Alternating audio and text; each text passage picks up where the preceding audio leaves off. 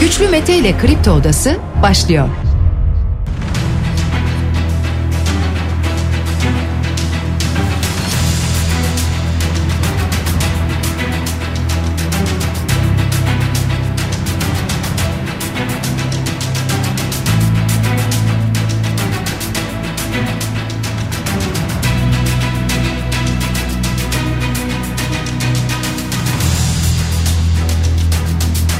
3 Mart Cuma sabahından Kafa Radyo'dan Kripto Odası'ndan tüm Türkiye'ye yurt dışında bizi dinleyen dinleyicilerimize günaydın. Hepinize sağlıklı ve güzel bir gün dileyerek her sabah olduğu gibi programımıza başlıyoruz. Bugün de Kripto Odası'nda saat 10'a dek sizlerle birlikte olacağız. Gündemdeki başlıkları değerlendireceğiz. Sizler de görüşlerinizle fikirlerinizle programa katılmak isterseniz Twitter üzerinden güçlü mete yazarak bana ulaşabilirsiniz. WhatsApp hattımızın numarası 0532 172 52 32.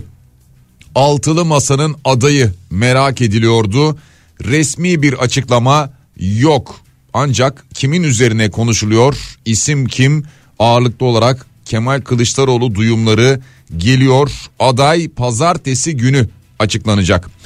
EYT düzenlemesi emeklilikte yaşa takılanlar düzenleme resmi gazetede yayımlandı yani artık yürürlüğe girdi. Bundan sonra nasıl başvuru yapacaksınız bunların hepsine bakacağız. Deprem bölgesinde 212 bin binanın yıkık ya da yıkılacak bina olduğu ifade edildi. Sevgili dinleyiciler dün böyle bir açıklama geldi. İzmir Körfezi'nde bir araştırma yapılıyordu ki bu araştırmada yeni faylar tespit edildi İzmir Körfezi'nde. GSM şirketlerinin ihmali var mı yok mu deprem bölgesinde? Buna ilişkin bir soruşturma başlatılmış dün bu duyuruldu. İki şehirde kuş gribi alarmı var şimdi yeniden tavukların itlaf edildiği haberleri geliyor bu şehirlerden ilerleyen dakikalarda bunlara da yer vereceğiz.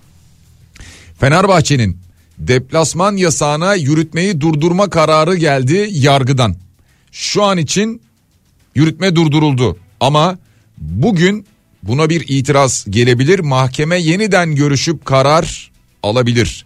Trabzonspor kongreye gidiyor. Aynı zamanda sevgili dinleyiciler dün Euroleague'de Anadolu Efes Panathinaikos'u 87-82 mağlup etti. Bu akşam Fenerbahçe Bologna ile karşılaşacak saat 20.45'te. Ve Spor Toto Süper Lig başlıyor. Alanya Spor Başakşehir maçıyla başlıyor. Bu akşam saat 20'de oynanacak. Depremin ardından bir ara verilmişti biliyorsunuz. Yarının programına baktığımızda Trabzonspor Ümraniye maçını görüyoruz ve Kayseri Spor Fenerbahçe maçı var saat 19'da. Hemen bir de pazar gününün programına bakalım. Pazar günü de Galatasaray Gaziantep deplasmanında oynayacaktı. Şu an için buna dair bir iptal e, yazısı görüyoruz karşısında ve Beşiktaş Ankara gücüyle mücadele edecek. Beşiktaş Ankara gücüyle oynayacak saat 19'da pazar günü. Malum Adana Demirspor'un Gaziantep'in maçları oynanmıyor. O nedenle bunlar da iptal yazıyor. Peki bir de döviz tablosuna bakalım. Dolar şu anda 18 lira 88 kuruş, euro 20 lira 4 kuruştan işlem görüyor. Gram altın 1117 lira. Hemen bir de Borsa İstanbul'a bakalım. BIST endeksi 5261 puandan işlem görürken Bitcoin'in karşılığını 22.375 dolar olarak görüyoruz sevgili dinleyiciler. Kısaca başlıkları böyle toparlamış olalım. Biraz sonra bir telefon bağlantısı gerçekleştireceğiz. Canlı yayında konuğumuz Kiptaş Genel Müdürü Ali Kurt olacak sevgili dinleyiciler. Biliyorsunuz İstanbul Büyükşehir Belediyesi deprem seferberlik planını açıkladı. Deprem seferberlik planında neler var? Bundan sonrası için vatandaş neler yapabilir? İstanbul Büyükşehir Belediyesi neler yapacak? Kiptaş bunun neresinde olacak? Kiptaş neler yapacak? İstanbul'da bizi dinleyenlere şimdi bu detaylı bilgileri vereceğiz. Bunu paylaşacağız sevgili dinleyiciler. Maliyetine güçlendirme yapacağız dedi biliyorsunuz Ekrem İmamoğlu. Deprem ve afetlere karşı bu kadim şehri dirençli bir kent haline getirmek için her şeyi tekrardan sıfırdan başlatıyoruz diye bir açıklama yaptı. Geçtiğimiz gün çarşamba günü yaptı bu açıklamayı İstanbul deprem seferberlik planını açıkladı. Ve şimdi dediğim gibi bu deprem seferberlik planının herhalde en önemli ayağı İstanbul Büyükşehir Belediyesi'nin en önemli kuruluşu Kiptaş. Kiptaş'ın genel müdürü Ali Kurt hattımızda. Ali Bey günaydın. Günaydınlar Güçlü Bey. Teşekkürler. Ee, şimdi hemen bir deprem seferberlik planıyla başlayalım istiyorum. Ee, nereden başlıyor seferberlik planı? Nasıl başlıyor? Ee, Ekrem İmamoğlu'nun açıkladığı başlıkları biraz alalım önce daha sonra Kiptaş detayına geçelim. Şimdi başkanımız o günkü toplantıda aslında şunu vurgulamak istedi. Biz birçok kere seferberlik planı açıkladık ama hiçbir şekilde masayı genişletemedik. Ve gerekli desteği ve katkıyı diğer paydaşlardan bulamadık. Tek başımıza da bu işin altından kalkmamız zor. Yeni alınması gereken aksiyonlarla beraber bugüne kadar yaptıklarımızı bazı şeyleri getirdiğimiz evreleri anlattı ve bundan sonra yapılması gerekenlerle ilgili daha üst perdeden masaya e, masayı toplamakla ilgili girişimlerin olacağını anlattı. Tabi deprem deyince sadece herkesin aklına bina yenilenmesi işte güçlendirme gibi şeyler geliyor ama bu çok e, altyapıdan üst yapıya atık yönetimine kadar bunun birçok e, süreci var. Bunlarla ilgili de genel bütüncül bir ekip anlayışıyla orada bir sunum yapmak Hı-hı. istedi. Artı yapılması gerekenleri çünkü şu an deprem bölgesi en basitinden atıkların dönüşümü ve taşınmasıyla ilgili ciddi e, çevresel etkisi olumsuz olacak sıkıntılar yaşıyoruz. Bunlarla ilgili hem hazırlıklarımızı hem yapılması gerekenleri anlattı. Aslında biraz deprem sonrasında yapılması gerekenlerle de ilgili bir e, onun vurgu yaptı ama hı hı. bununla ilgili esas deprem sonrası yapılacak aksiyonlarla ilgili hazırlıklarla ilgili esas çalışmaları Nisan ayı içerisinde açıklayacağız. Bizim amacımız deprem öncesi yapılması gerekenler. İşte bu mevzuat değişikliklerinden yapı güçlendirme, yapı yenilemeye kadar. Ama bu işin mutlaka tüm paydaşlarla birlikte olması gerektiğini artık e, daha e, gür bir şekilde söyleyeceğiz. Çünkü yani kurumların ben de hep çıktığım yayınlarda söylüyorum. Kurumların münferit çalışmaları var bir şeyler yapıyorlar ama geldiğimiz noktada hala kentlerimizin risk yapısı çok fazla. E bunlar da bu kadar fazla olduğuna göre demek ki burada bir eksiklik var. Bu eksikliğin de en büyük sebebi gerekli koordinasyon olmaması. Bunu deprem sonrası bölgede de yaşadık. Herkes iyi niyetli, toplum iyi niyetli, kurumlar belki kendi çapında iyi niyetli bir şeyler yapmaya çalışıyor ama büyük bir güç de olsa ortada, potansiyel de olsa koordine olamadıktan sonra hiçbir anlamı yok. Evet. E, buna vurgu yaptı ve burada kurum bazı e, konu bazı açıkçası. Kurum demeyeyim yani Kiptaş burada tabii önemli bir önemli bir şirkettir ama sadece Kiptaş değil Büyükşehir Belediyesi büyük bir ekosistem. Bunun bütüncül olarak her alanda yaptıklarını ve yapacaklarını ve bu işi gerçekten ilk geldiğimiz günden beri dert ediyoruz biz depremi nereden nereye getirdiğinizi anlatan ve yapacaklarımızı eğer gerekli destek olursa ne kadar hızlanacağımızı anlatmaya çalıştık. Evet şimdi burada aslında e, böyle bir plan evet çok detaylıydı gerçekten. E, her kurumun e, başında bulunan insanlar oradaydı. Liyakatli insanlar tek tek anlattılar doğru. Ama burada vatandaşın ilgisini çeken tek şey şu. Benim binam şu anda riskli mi değil mi? Riskliyse evet. benim binam bu bina güçlendirilebilir mi? Bunun maliyeti ne olur? Bir diğeri de yıkılıp yerine yenisi yapılabilir mi? Şimdi riskli binaların da sizin kurumunuz aracıyla yani Kiptaş aracılığıyla evet. kar etmeden maliyetine yenilenmesine başlanacak denildi ve şimdi herkes bunu merak ediyor. Bu nasıl olacak? Şimdi aslında Güçlü Bey biz bunu e, 2021'in Temmuz ayında duyurduk İstanbul Yenileniyor projesi. Biz buna başladık. Bayağı da iyi gidiyorduk. E, çok ciddi başvurular almıştık. O zamanki rakamlarımız deprem öncesi rakamları söylüyorum e, yaklaşık 600 bin 700 bin insanın kapla e, yaşadığı 150-200 bin riskli yapıdan bahsediyoruz. Bize talep geldi. Biz ne dedik? İstanbul'da 2000 öncesi bir yapıda oturuyorsanız ve riskli olduğunu düşünüyorsanız İstanbul yenileniyor'a başvurun inşaat maliyetinde sizi yenileyeceğiz. Biz bu işe başladığımızda inşaat metrekare maliyetleriyle bugünkü maliyetler arasında 7 katlık bir artış var. 7 kat. Evet o zaman 2000-2500 liraydı. Yani bir kontu biz 250-300 bin TL'ye mal ederken bugün 1 milyon 200 bin 1 milyon 400 bin TL arasında mal ediyoruz. Hmm. Ee, bu maliyetler artması, banka faiz oranlarının artması tabii vatandaşların direncini kırdı. Ancak depremden sonra İstanbul yenileniyor'daki rakamlar ve başvurular aşırı arttı. Çünkü yani Türkiye'de maalesef bu hep oluyor. Olası yani afet yaşadıktan sonra bilinç artıyor. Bir e, gündem oluyor ve herkes Mesela hızlı tarama testi yapıyor Büyükşehir Belediyesi. 2 yıldır 3 yıldır bu hizmeti sürüyor. İnsanlar evine almıyordu. Şimdi talep patlaması yaşıyor. Evet. Şimdi aslında Başkan Bey'in o günkü e, söylemek istediği de ben bu bilinci artık en üst seviyede her gün gündemde tutacağım. Başka şansımız yok. Şimdi niye deprem olunca atıyorum İstanbul yenileniyordu bir buçuk milyon insana eriştik. Niye hızlı taramada yüz binlerce başvuru almaya başladık? Bunu sürekli olmalı. Ama bununla ilgili bizim çözüm üretmemiz gerekir tabii ki vatandaş. Hani de yapın riskli değil, geriye çekilmek de olmaz. O yüzden biz aslında iki yıldır bu sistemi hayata geçirdik ama tabii gündem bu konuya eğilince sistemin varlığı daha çok e, ön plana çıktı. Olay şudur.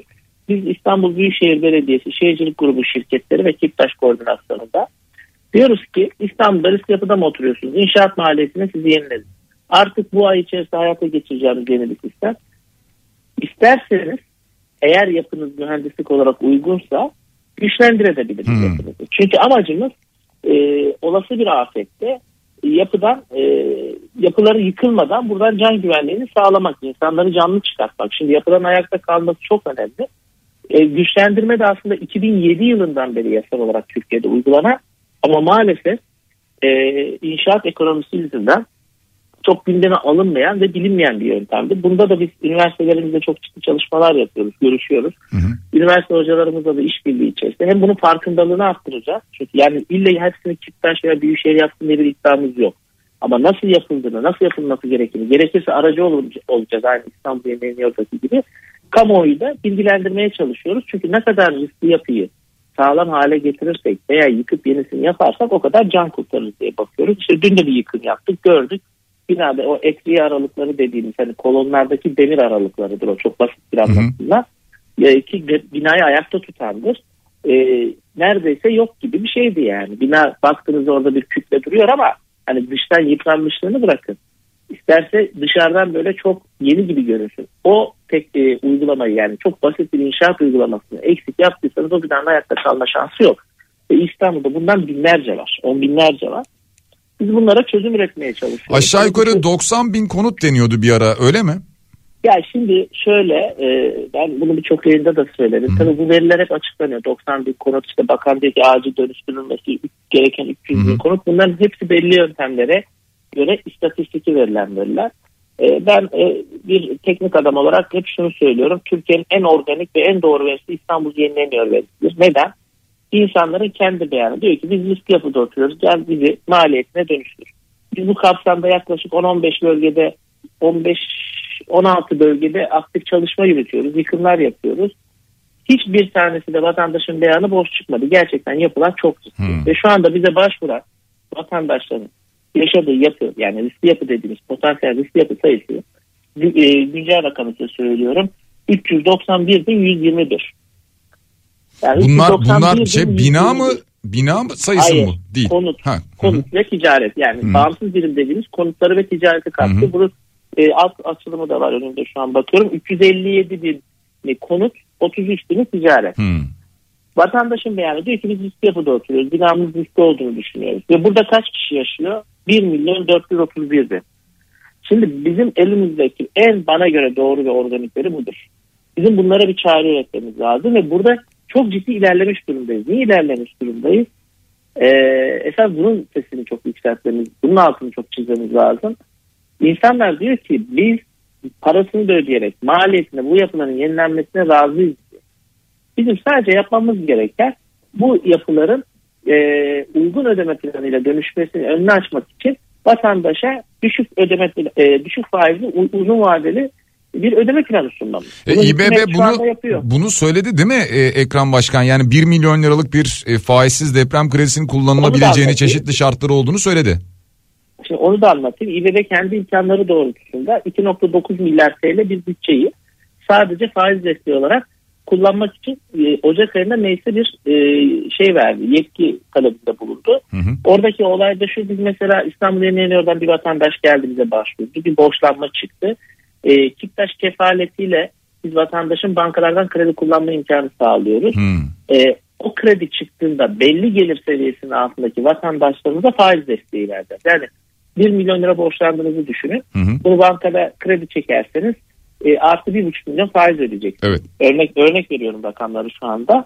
Bu 1,5 milyonluk kısmını İstanbul Büyükşehir Belediyesi belli ekonomik seviyedeki vatandaşlar için sübvanse edecek. O ekonomik seviyeyi şu an söyleyelim mi? Bu e, anladığım kadarıyla hane içi toplam gelirin net asgari ücretin iki katından fazla olmaması evet. gerekiyor. Evet, evet, Hı-hı. evet. Onu da genel sekreterimiz açıkladı. Fransa'ya ayağda sunumun. Ee, aslında bunu bu tabii önemli bir adım. Umarım meclisten geçer ama bu yeter mi? Yetmez ama ciddi bir yaraya pansuman olur. Bizim bunu e, merkezi idareyle beraber hayata geçirdiğimizi düşün. Bakın sosyal konu kampanyalarında ve orta gelir grubu kampanyalarda düşük faizli ve uzun vadeli uygun ödeme planlı konut politikaları açıklandı. Biz bunu öncelikle o zaman da hatırlarsanız size bağlanmıştık yayınlarda. Tabii ki sosyal konut önemli, tabii ki ev sahibi yapmak önemli ama aslında üstü yapıların yenilenmesi. Biz bu kaynakları buraya önceliklendirmeliyiz. İşte gördük, depremi yaşadık. Hı hı. İnsanlar e, canlarıyla bedel ödedi orada.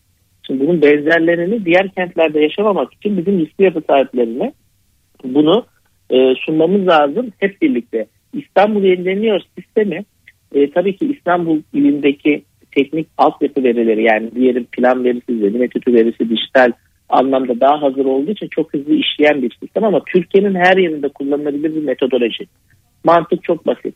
Uzlaştık sürece vatandaş üst yapısını maliyetini yenilemek. Devletin ve kamu kurumlarının yapması gereken bir tek öncelikli şey budur. Yani yenileme konusuyla ilgili.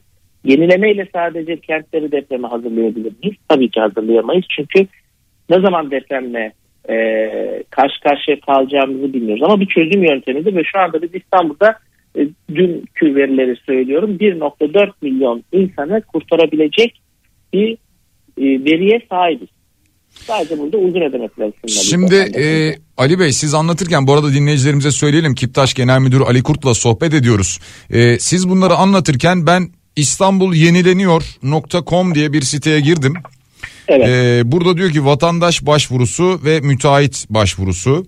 Ee, ben şimdi vatandaş başvurusundan bir yandan kayıtlı oluşturmaya başladım. Yani şunu merak ediyorum. Şu anda bizi dinleyenler ne yapabilirler? Size hangi yoldan ne şekilde ulaşırlar ve buradan sonraki ilerleyiş nasıl oluyor? Biz klasik olarak biliyorsunuz sizin tamam. de az önce söylediğiniz gibi e, şunları merak ediyoruz. E, yani daha uzun vadeli çözümden yana değil de aman bir an evvel benim evime bir baksınlar riskli mi değil mi aman mümkünse de yıkmasınlar güçlendirsinler gitsinler. Ya bütün istek genelde bu herkeste. Şimdi bunu evet. bekleyen vatandaşa ne sunabiliyoruz? Şimdi şunu yapabilir vatandaşımız. Büyükşehir Belediye'mizin bina tespiti nokta İBB nokta İstanbul adresine başvurup yapısının mevcut durumu ile ilgili bilgi alabilir. Yani dayanıklı mı değil mi diye. Bu dayanıksız çıkarsa yani riskli çıkarsa yıkılacak anlamına gelmiyor. Ondan sonra yapması gereken adımlar var bakanlığın akredite kurumlarına girip riskli yapı ilan edilmesi lazım. Bu sadece binası ile ilgili fikir veriyor vatandaş. Fikir veriyor değil mi? Yani burada şöyle bir evet. endişe var çünkü. Ben diyelim kontrol ettirdim riskli yapı dediler. Eyvah e, kapıya mührü vuracaklar beni atacaklar mı diyor vatandaş. Yok kesinlikle öyle bir şey değil. Sadece binasının durumuyla ilgili bilgi sahibi olacak. Diyelim ki binası riskli çıktı. Hı hı. İsterse İstanbul başvurarak binasını yenilemekle ilgili bizden teklif alabilir. Bir, bu ayın içerisinde bir sistem daha hayata geçeceğiz. Gene de gene onu İstanbul yenileniyor .com'un altında sunacak.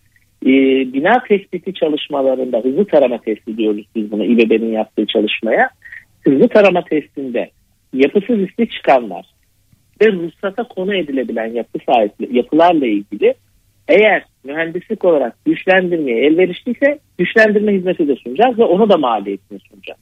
Üniversiteler eşliğinde bir e, proje hazırlayacağız.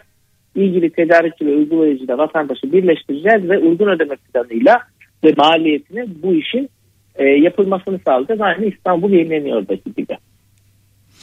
Ee, şu an için herhalde e, anlaşıldı diye tahmin ediyorum tüm bunlar. E, peki şu ana kadar olan başvurular içerisinde siz bir e, rakam verebiliyor musunuz? Yani bir sene içerisinde ne kadar bir yapıyı yeniden ayağa kaldırabileceksiniz veya ne kadar bir yapıyı güçlendirebileceksiniz bununla beraber? Şimdi güçlendirme işi biraz daha tabii e, prosedürü ve mühendisliği farklı ama yenilemeyle e, onun sistemi bu e, çok yakın yani bu bir iki hafta için hayata geçirdiğimizde verilerden sonra takdim vermek doğru olur ama hı hı. mesela yenilemekle ilgili şunu söyleyeyim. Bize başvuran vatandaşlarımız gerçekten uzlaşırlarsa çünkü burada uzlaşmak iki yöntemde de önemli. Yasalar bunu zorunlu kılıyor uzlaşırlarsa 391 bina, e, riskli binayı çok hızlı bir şekilde iyi bir organizasyonla dönüştürebiliriz. Çünkü maliyetine yapıyoruz. Olduğu yerde dönüştürüyoruz. Ee, bunu yapmakla ilgili herhangi bir sorunumuz yok. Vatandaşımızın uzlaşmamasının sebebinin altını çizmek istiyorum şu anda. Hı hı. Çok yüksek maliyetli borçlanmalar çıkıyor. Hı. Çünkü inşaat maliyetleri çok arttı. Finans maliyetleri çok arttı. Sadece buna bir çözüm bulmamız lazım. Biz bu işe başladığımızda böyle bir rakam yoktu. Biz işe başladığımızdaki birim fiyatları olsaydı bunların hepsiyle yüzde yüz uzlaşırdık. Bugünkü bilinçle. O zaman da o bilinç yoktu maalesef. Bu kadar vatandaş e, bir uzlaşıyla yaklaşmıyordu işe. Bizim şu anda yapmamız gereken uygun ödeme planı sunmamız vatandaşa. Bunların hepsini organize edebilme kabiliyetimiz var. E, kapasitemiz, artan, kapasitemiz artan bir iş olursa da kapasitemizi ona göre arttırır. STK'larla vesaireyle e, bir seferberlikte şey organizasyon yapımızı çok hızlı arttırabiliriz ki bina tespitinde mesela çok talep geldi Büyükşehir Belediye'mize. Hı hı. Odalarla, e, STK'larla, e, özel eğitim programlarıyla kadro genişletme yöntemine gidiyorlar şimdi. Ee, Ali Bey e, aslında ben yavaş yavaş e, sohbeti sonlandıracaktım ama dinleyicilerimizden çok soru var. E, bu sorulardan birkaç tanesini sorup hızlıca cevap alabilirsem sevinirim. Birini Tabii ki. tahmin ediyorum ama dinleyicimiz diyor ki İzmir'den Kiptaş Genel Müdürü Ali Kurt'a bir sorum olacak. İzmir'deki binalar içinde böyle bir şey yapacaklar mı diyor. Ben sanmıyorum ama buyurun soruyu size sorayım. Şu an tabii ki önceliğimiz İstanbul. İstanbul'da e, bu sistemi hayata geçiriyoruz ama İzmir'de de bu sistem uygulanabilir öyle söyleyeyim. Tabii yani şu an e, dinleyicimize ben de şunu söyleyeyim. Kiptaş İstanbul Büyükşehir Belediyesi'nin bir kuruluşu olduğu için sevgili dinleyiciler o nedenle İstanbul için çalışmayı konuşuyoruz. E, buna benzer çok soru var. E, aslında bir tanesini de toparlayabiliriz. E, diyor ki tapusu olmayan birçok yer var İstanbul'da. Tapu tahsis belgeli olan kanunda işgalci olarak görünen yapılarla alakalı bir çalışma yapılabiliyor mu diyor. Ve benzer şekilde soran dinleyicilerimiz var. Yani çeşitli sıkıntılarımız sorunlarımız var. İşte ruhsat vesaire Evet. falan bunlarla alakalı. Şimdi buralara da bu çalışmalar yapılabiliyor mu diye soruyorlar. İstanbul yenileniyor'un kapsamı dışında mülkiyet problemi olan yerler. Çünkü oranın sadece bir bina yenilemesi değil, orada aynı zamanda bir imar plan çalışması, bir mülkiyet sorunun çözülmesi gibi işin ayakları var. Onu farklı adımla e, yürütmek gerekiyor. Çok basit anlatmak gerekirse kentsel dönüşüme konu iki yer vardır Güçlü Bey. Bir Hı hı. ekonomik ömrünü tamamlamış yapılar ki bizim hedefimiz odur. Bir şey mülkiyet problemi olmamış ekonomik ömrünü tamamlamış yapılar. Bizim şu anki hedefimiz o. İstanbul yenileniyordan yani sistematik bir şekilde bunları yenileyebiliriz. Sistematik. Yöntemi belli. Yıkıyorsunuz maliyetini yapıyorsunuz. Hı hı. İkincisi de mülkiyet problemi olan yerler. Mesela Beşiktaş'ta Armutlu gibi işte Hmm. İmrane'nin üstündeki kara, e, 2B arsaların olduğu yerler gibi. Oralarda sadece inşaatı yapmakla o iş olmuyor. Orada önce planı yapacaksınız. Sonra mülkiyet problemini çözeceksiniz. Ondan sonra yenilenebilir hale getireceksiniz. O çok ciddi bürokratik bir süreç. Onunla ilgili farklı mekanizmalar işliyor. Onu tek bir yöntem tariflemek mümkün değil teknik Evet. olarak. O, o şu anda çok da kolay görünmüyor anladığım kadarıyla. Peki Boğaz görünüm alanındayım ben diyor. Çivi bile çaktırmıyorlar. Binamız çürük ne yaparız diyor dinleyicimiz. Oranın da özel kanunu var. Ee, orada da yapılacak şeyler evet vatandaş haklı o konuda. Yani güçlendirme ile ilgili bazı işler yapabilir ama onun da kısıtları ve m, kaideleri çok fazla. Bizim bunlarla ilgili o çalıştayda e, Başkan Bey'in sunumunda da vardı. Bu tür alanlarla ilgili de yasal mevzuatta bazı e, uygulayıcı önerilerimiz var. Bunları da bakanlar resmi olarak iletecek arkadaşlar, ilgili arkadaşlarım. Peki e, bununla alakalı son bir soru daha sorayım. O da şu. E, Tabii. bir dinleyicimiz diyor ki mesela bir binanın güçlendirme maliyetiyle ilgili anlaşıldı diyor. Örnek vermiş de 310 bin lira demiş. Bir Tamam. gün sonra diyor diyelim maliyet işte 450 bin lira oldu. E, bu fark e, ödenecek mi kim ödeyecek nasıl olacak diye soruyor. Ee, şöyle bizim kurduğumuz sistemde anlaşma her zaman sabit ödeme planıyla biz işlerimizi yapıyoruz. Mesela İstanbul Yenileniyor'da e, yıkıp yaptığımız siteler var. İlk gün anlaştığımız rakam neyse son günde onu ödüyor vatandaş. Ne ödeyeceğini biliyor. Zaten rakamlar bu öngörüyle çıkıyor. Ee, bizim yaptığımız işlem böyle bir fiyat yansıması olmaz. Ama işe başlayana kadar, işe, işe başladıktan sonra, işe başlayana kadar bu fiyat artışları olur. Şöyle örnek vermek istiyorum. Bu kısım çok önemli, güzel bir soru. Bugün siz bir sitede bize başvurdunuz. İşte bir, işte biri başvurdu veya bir kişi başvurdu. Bir fiyat teklifi geçtik. Veya üçte ikisi başvurdu bir fiyat teklifi geçtik. Ancak bu işin yapılabilir hale gelene kadar iki yıl geçtiğini düşünün. O zaman o fiyatı güncellemek zorundayız. Çünkü akşamdan sabaha maliyetler değişiyor. Ama işe başladığımız gün rakam ne zikrettiysek tamamlayana kadar da öyle devam eder. Biz bu, bu ülkede 300, e, 3300 lira sabit taksitle sosyal konut sattık. 2022'de sattık bunu. Asgari ücret 4250 TL'ydi. Sabit ödeme planıdır her zaman bizim yaptığımız işler. Tiptaş olarak bu dönemde. Evet.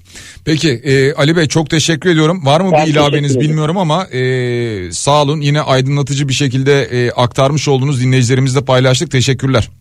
Ben teşekkür ediyorum. İyi yayınlar diliyorum. Teşekkürler. Sevgili dinleyiciler, Kiptaş Genel Müdürü Ali Kurt konuğumuz oldu ve İstanbul Büyükşehir Belediyesi'nin deprem seferberlik planına ilişkin nasıl yapılabildiğine, nasıl yapılabileceğine dair mesajlarını verdi. Tabii ki şunu çok net anlıyoruz ki e, sadece bir Büyükşehir Belediyesi'nin değil, İstanbul Büyükşehir Belediyesi'nin değil, tamamen e, devletin de bu konuda bir politikasının olması gerekiyor. Üstelik yani tabii ki İstanbul'da nüfus fazla, yapı fazla ama üstelik sadece İstanbul'la ilgili de değil, tüm Türkiye ile ilgili böyle bir dönüşümün olması gerektiği aslına bakarsanız 1999'da yaşadığımız depremden bu yana konuşuluyor. Konuşuluyor da işte tekrar biz Kahramanmaraş'la beraber yıkılınca yeniden düşünmeye başladık. Ha dedik evet ya bir deprem gerçeği vardı önümüzde. Şimdi herkes telaş içerisinde kendi binasının riskli yapıp olmadığını araştırmaya çalışıyor. Program içerisinde bahsedilen İstanbul yenileniyor sitesi vardı biliyorsunuz. İstanbul yenileniyor sitesine girebilirsiniz. Ya da bina tespiti nokta İBB nokta İstanbul adresinden bina inceleme başvurusu yapabilir veya bu başvuruyu yaptıysanız bunun sorgulamasını yapabilirsiniz. Bina tespiti nokta İBB nokta İstanbul üzerinden bunu da hatırlatmış olalım bir kez daha. Bir reklam arasına gidelim. Çok kısa bir aramız var. Reklamlardan sonra yeniden buradayız. Kripto Odası devam ediyor sevgili dinleyiciler. Reklamların ardından yeniden sizlerle beraberiz. Şimdi e, bir dinleyicimiz yazmış reklam arasında gördüm. Heh, buldum.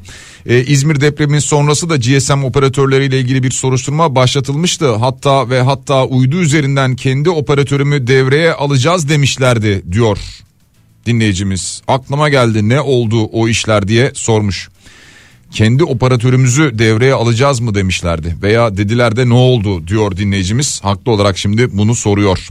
Bu tip zamanlarda daha çok konuşuyoruz. Sonrasında unutuyoruz gidiyor zaten. Ee, ama yeri gelmişken bahsedelim. E, dinleyicimiz de yazmış olduğu için GSM operatörlerine ilişkin böyle bir soruşturma olduğu açıldığı ifade edilmiş. Turkcell, Türk Telekom ve Vodafone'a soruşturma açılmış iletişim aksaklığı sebebiyle. Ha, buradan sonra ne çıkar onu bilmiyorum açıkçası. Yani bu soruşturmanın sonucunda ne çıkar onu çok net bilemiyoruz. Peki gelelim e, birkaç tane daha önemli konu var. Acil ve önemli olan. Bunlardan bir tanesi EYT konusu. Emeklilikte yaşa takılanlara ilişkin düzenleme resmi gazetede yayımlandı. Yani ne oldu? Yani yürürlüğe girmiş oldu. E, şimdi hak sahipleri emeklilik başvurusunda bulunabilecekler. E-Devlet'te EYT için yeni bir düzenleme de yapılmış şu an gelen bilgiye göre. E-Devlet'te arama çubuğuna EYT yazıldığında doğrudan başvuru ekranına ulaşabileceksiniz. Ve tüm işlemlerinizi E-Devlet üzerinden yapabileceksiniz sevgili dinleyiciler. Çünkü bir ara bu çok konuşuldu. İşte bunun için başvuru için SGK'ya mı gideceğiz, sıraya mı gireceğiz? İşte milyonlarca insan giderse SGK bununla nasıl başa çıkar? Doğru. Yani SGK'da nasıl başa çıkacak bir anda bunlarla? Doğru. Şimdi E-Devlet üzerinden başvuru yapabiliyorsunuz. EYT yazdıktan sonra bu arama çubuğuna gelir aylık ödenek talep belgesinin verilmesi kısmından gelir aylık ödenek talep belgesinin verilmesi kısmından başvurunuzu yapıyorsunuz.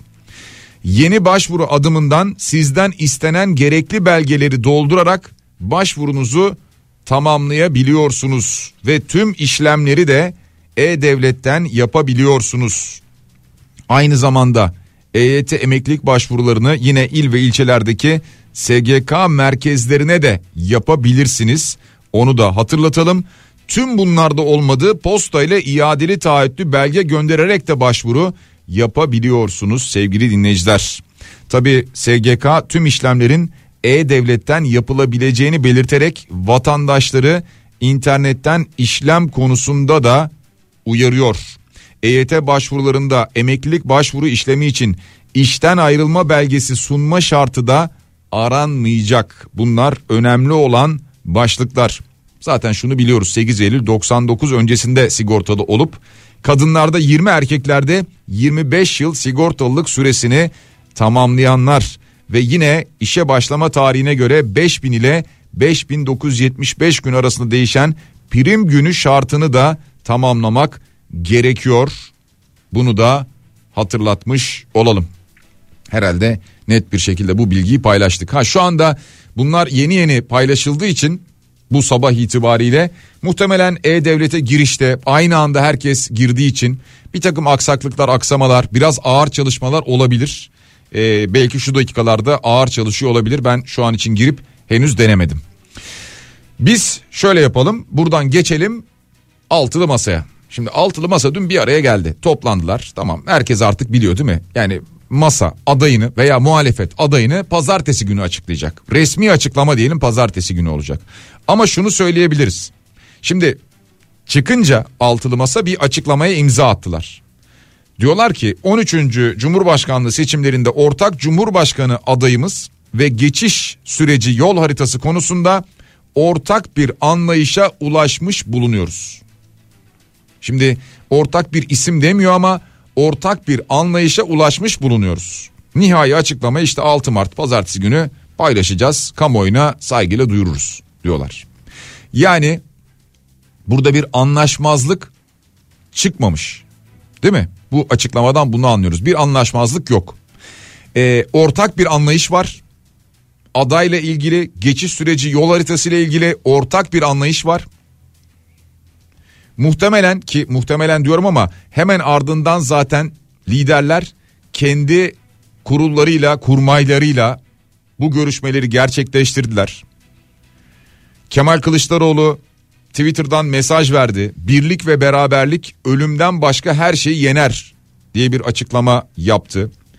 Meral Akşener bu toplantının ardından kendi milletvekilleriyle başkanlık divanı üyeleriyle bir araya geldi ki yaklaşık üç buçuk saat süren bir görüşme gerçekleştirdi. Yani şu an için oluşan havaya baktığımızda bir ortak aday konusunda anlaşılmış gibi görünüyor. Genel itibariyle yüzler gülüyor. Yani her ne kadar belki konuşmalar sırasında bir takım tartışmalar yaşandıysa da bilmiyoruz onu. Ama netice itibariyle şu an için anlaşılan o ki ortak aday Kemal Kılıçdaroğlu olarak gösterilecek. Şu anki görüntü bu. Zaten şunu biliyoruz. Yani Meral Akşener zaten Cumhurbaşkanı adayı olmayacağını söylemişti. Yani başbakan olacağım ben diyordu. Parlamenter sistemin başbakanı olacağım ben diyordu. O nedenle şimdi acaba masaya bir belediye başkanının ismi geldi mi gelmedi mi bunları tabi bilmiyoruz. Ama CHP zaten belediye başkanlarını aday göstermekten yana olmadığını daha önce belirtmişti. Onlar İstanbul'un, Ankara'nın problemlerini, sorunlarını çözecekler. Onlar bunun için görevlendirildiler demişti. Zaten İstanbul veya Ankara Büyükşehir Belediye Başkanı aday olacak olursa İstanbul ve Ankara'yı veya işte Ankara'yı CHP kaybedecek anlamına gelir. Yıllar sonra yeniden kazanmış olduğu şehirleri çünkü mecliste çoğunluk olmadığı için bu sefer AK Parti'ye geçecek yeniden İstanbul ve Ankara. E bu da seçmen tarafından büyük bir tepkiyle karşılanacak. O yüzden bu noktada ilerlenmiyordu. Muhtemeldir ki pazartesi günü bu toplantı yapıldıktan sonra aday olarak Kemal Kılıçdaroğlu açıklanacak gibi görünüyor sevgili dinleyiciler. Ve devam ediyoruz gündemdeki diğer başlıklarla. Kızılay'la ilgili bir denetim raporu var. Bağımsız denetim şirketi Kızılay'ın hesaplarına sınırlı olumlu görüş vermiş. Euronews'te yer alan bir haber. Bu haber sevgili dinleyiciler. Grant Thornton firması sınırlı olumlu görüş notunu vermiş.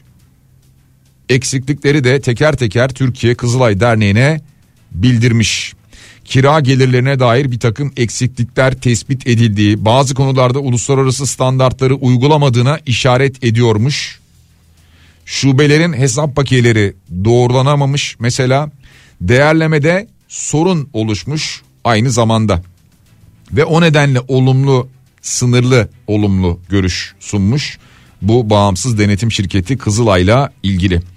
E, dün bir günde Bahadır Özgür'ün bir haberi vardı bilmiyorum görebildiniz mi ama e, bir polis tutanağı yayımladı. Bir polis tutanağı. 18 Şubat'ta Kızılay iki tır dolusu giysi satmış ve buna dair bir ihbar olunca polis gitmiş ardından da bir tutanak tutmuş. Şirket Kızılay'la 2 yıl önce yaptığı sözleşmeyi ve satışa dair faturaları sunuyor. Sözleşmeye göre ayda en az 80 ton giysi kilosu 0.41 dolardan yani 41 sentten verilecek diye yazıyor burada. Yani giysi satışı da gerçekleşmiş ki zaten bir anlaşma bir sözleşme varmış. Ondan dolayı bu giysi satışını yaptık demişler. Polis tutanağına bu şekilde geçmiş. Dün dediğim gibi bu bir günde yer alıyordu sevgili dinleyiciler. Meclis Karma Komisyonu'nda bir karar çıktı. Lütfü Türkkan ve Ali Mahir Başarır yani CHP'li Ali Mahir Başarır İyi Partili Lütfü Türkkan dokunulmazlıkları kaldırılsın kaldırılmasın bu konuşuluyordu. Dokunulmazlıklarının kaldırılması yönünde Meclis Karma Komisyonu böyle bir karar aldı sevgili dinleyiciler. Daha önce yine Adalet Komisyonu bünyesinde de hazırlık komisyonu böyle bir çalışma yapmıştı. Böyle bir görüş bildirmişti. Şimdi yine benzer şekilde bir görüş daha gelmiş oldu. Ancak tabi e, netice itibariyle bu bir nihai karar değil bir meclis kararı değil. Anayasa Mahkemesi HDP'nin e hazine yardımına bloke konulmasına itirazı 9 Mart tarihinde görüşecek. HDP hazine yardımına bloke konulmasına itiraz etmişti ya. İşte bu görüşme, bu inceleme veya öyle söyleyelim 9 Mart tarihinde gerçekleşecekmiş. Sevgili dinleyiciler bunu da hatırlatmış olalım. Ve dönelim depremle ilgili haberlere tekrar. Şimdi İstanbul'la ilgili veya Marmara bölgesiyle ilgili Kandilli Rasathanesi Müdürü Profesör Doktor Haluk Özener'den yine bir açıklama var.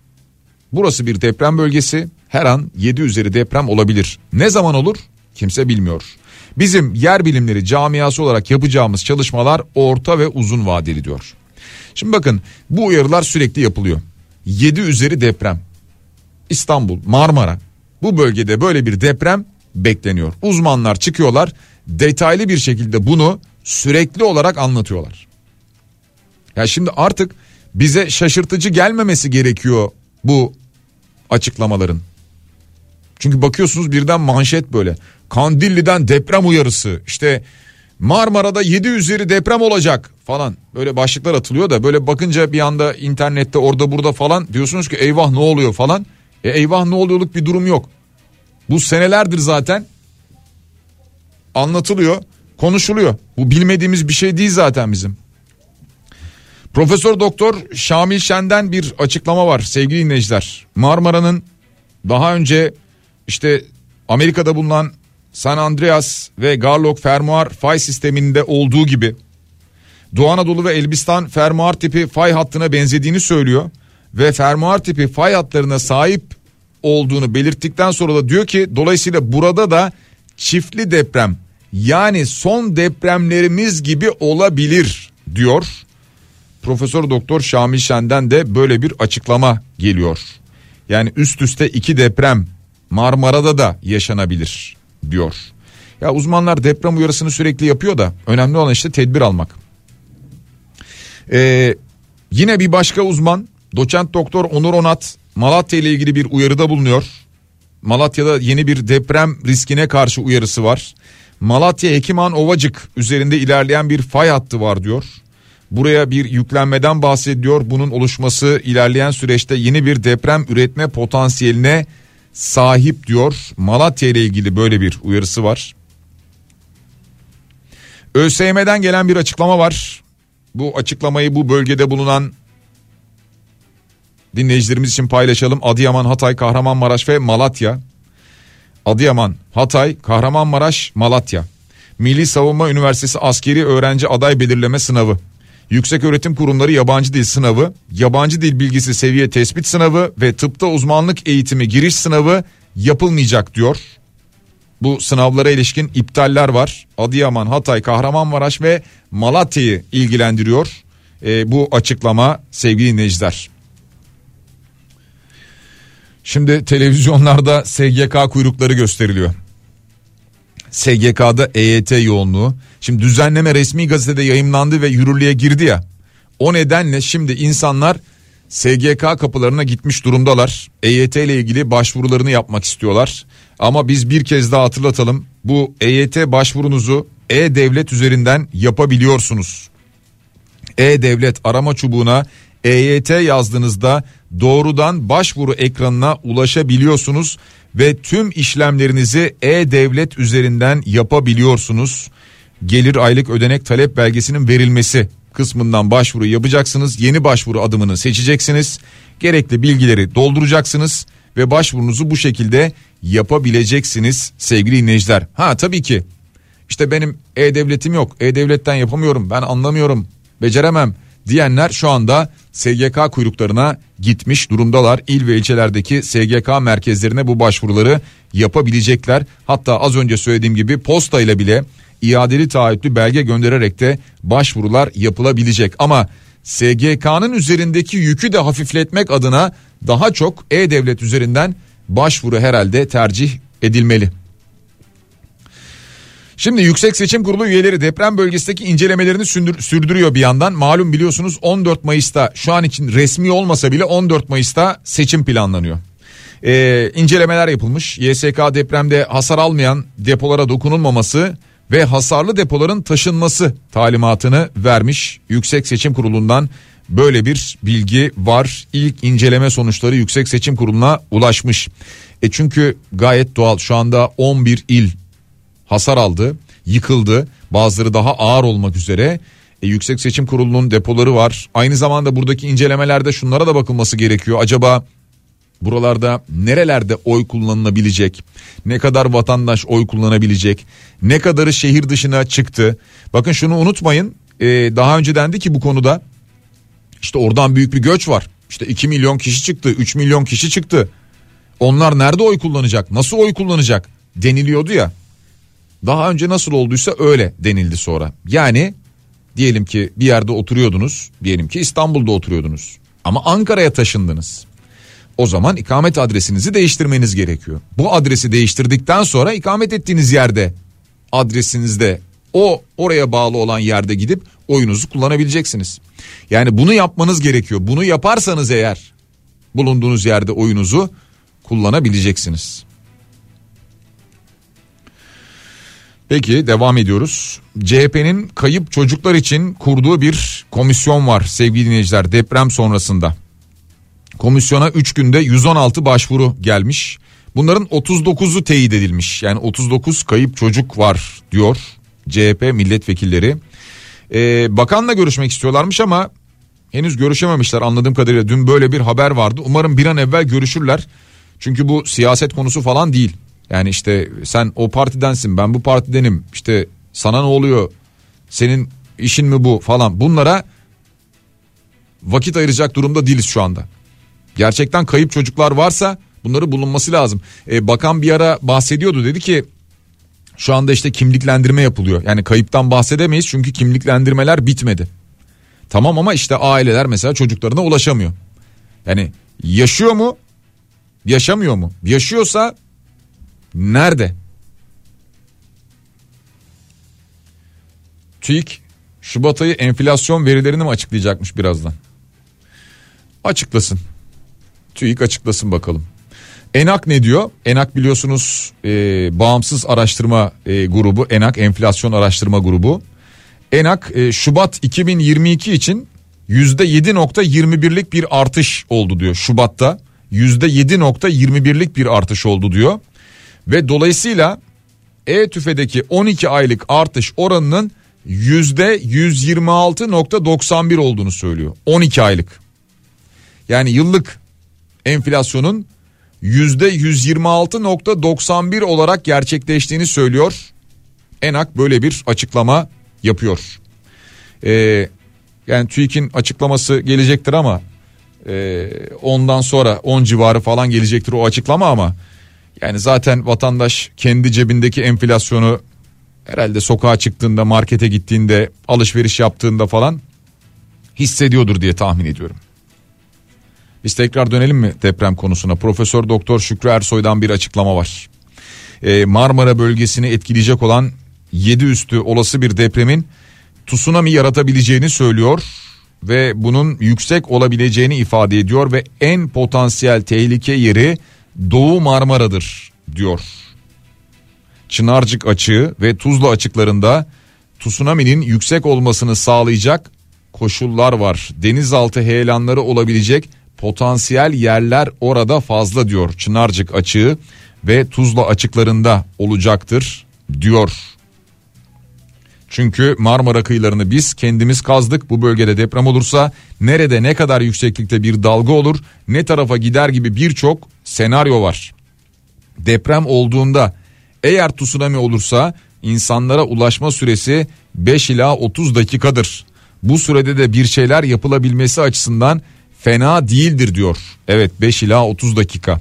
Yani en azından bir deprem ardından önlem alabilmek adına veya bölgeden uzaklaşabilmek adına bakıldığında evet hiç değilse e, böyle bir süre olabilir diyor. Bir yıl içinde iki tane yedi büyüklüğünde deprem kapasitesi var diyor. Yine Marmara ile ilgili yapmış olduğu açıklamada e, ki daha önce buna benzer bir açıklamayı bir başka hoca daha yapmıştı. Biraz önce bahsetmiştik.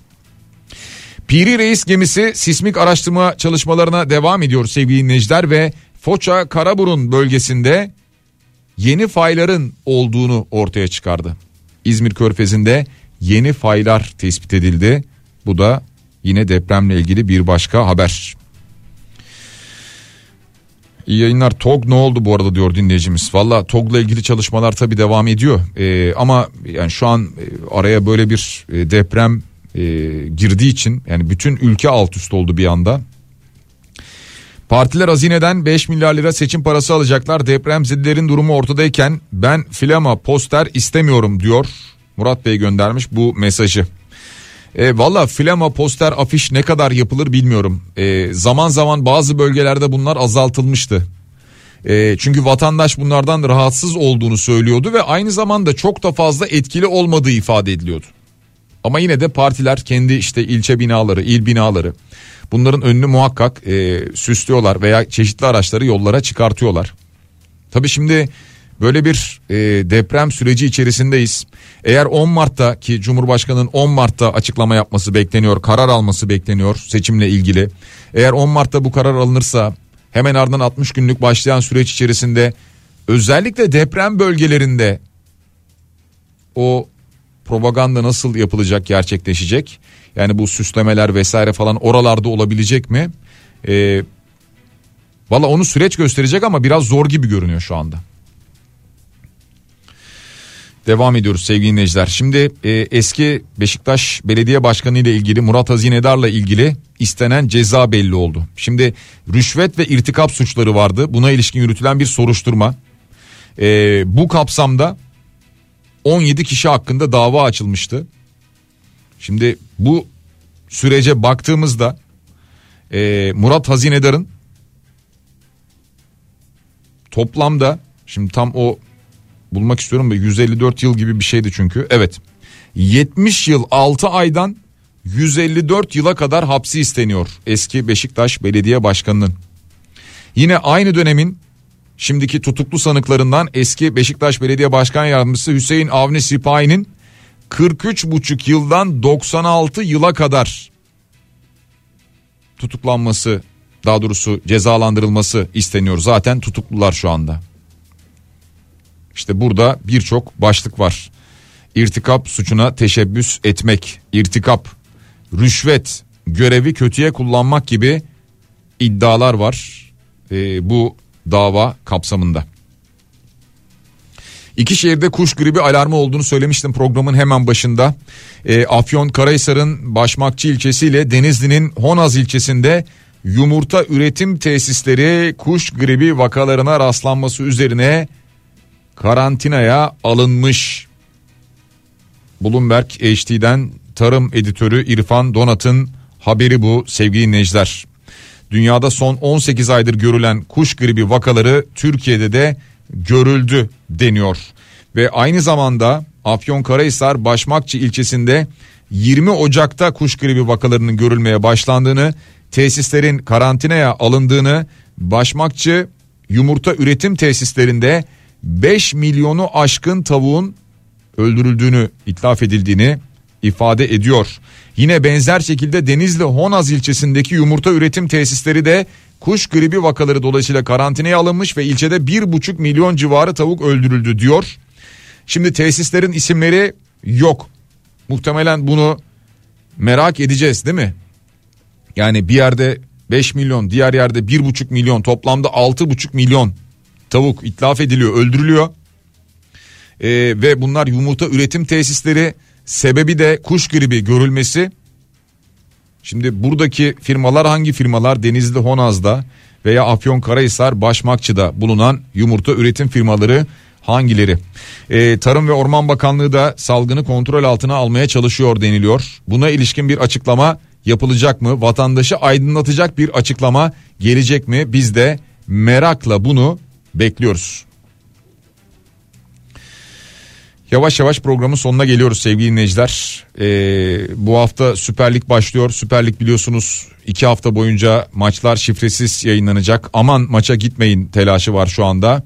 Fenerbahçe taraftarının deplasman yasağına ilişkin biliyorsunuz yürütmeyi durdurma kararı çıktı. Kayseri 2. İdare Mahkemesi'nden.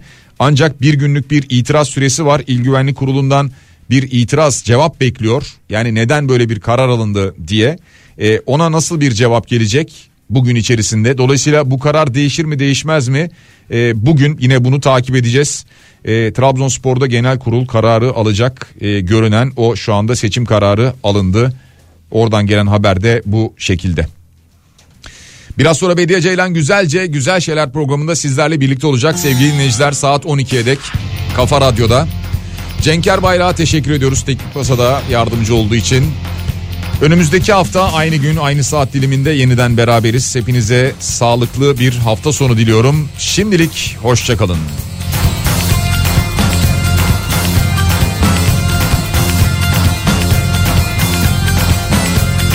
Bindik bir alamete, gidiyoruz kıyamete.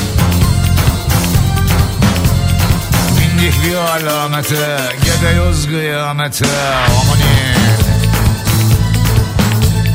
Yol dediğin yol gibi ulaşmalı bir yere Biz dön baba dönelim geliyoruz aynı yere Bu döngü kısır döngü başı var da sonu yok Dönüyorum döneniyorum sonunda bir çıkış yok ama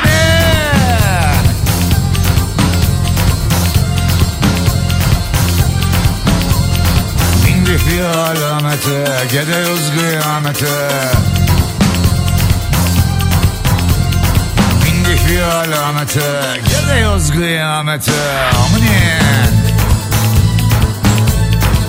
Yerel ve genel seçim seçim bakalım seçim Ki dön baba dönelim aynı yere gelelim. Çete çeteye çatmış çete çete içinde. Battık buruna kadar Cafer getir peçete. Amanin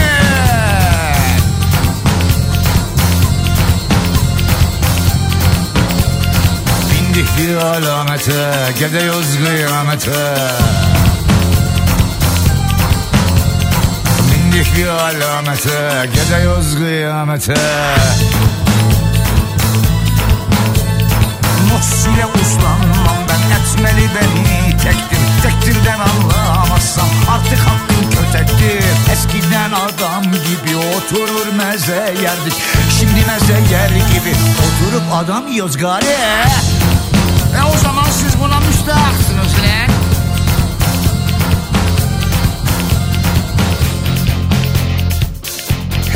Kahve köşesinde 3-5 tane başbakan otur vermişler. Amanın vallahi lazım biz cihana bedeliz. Var mı bize yan bakan? He.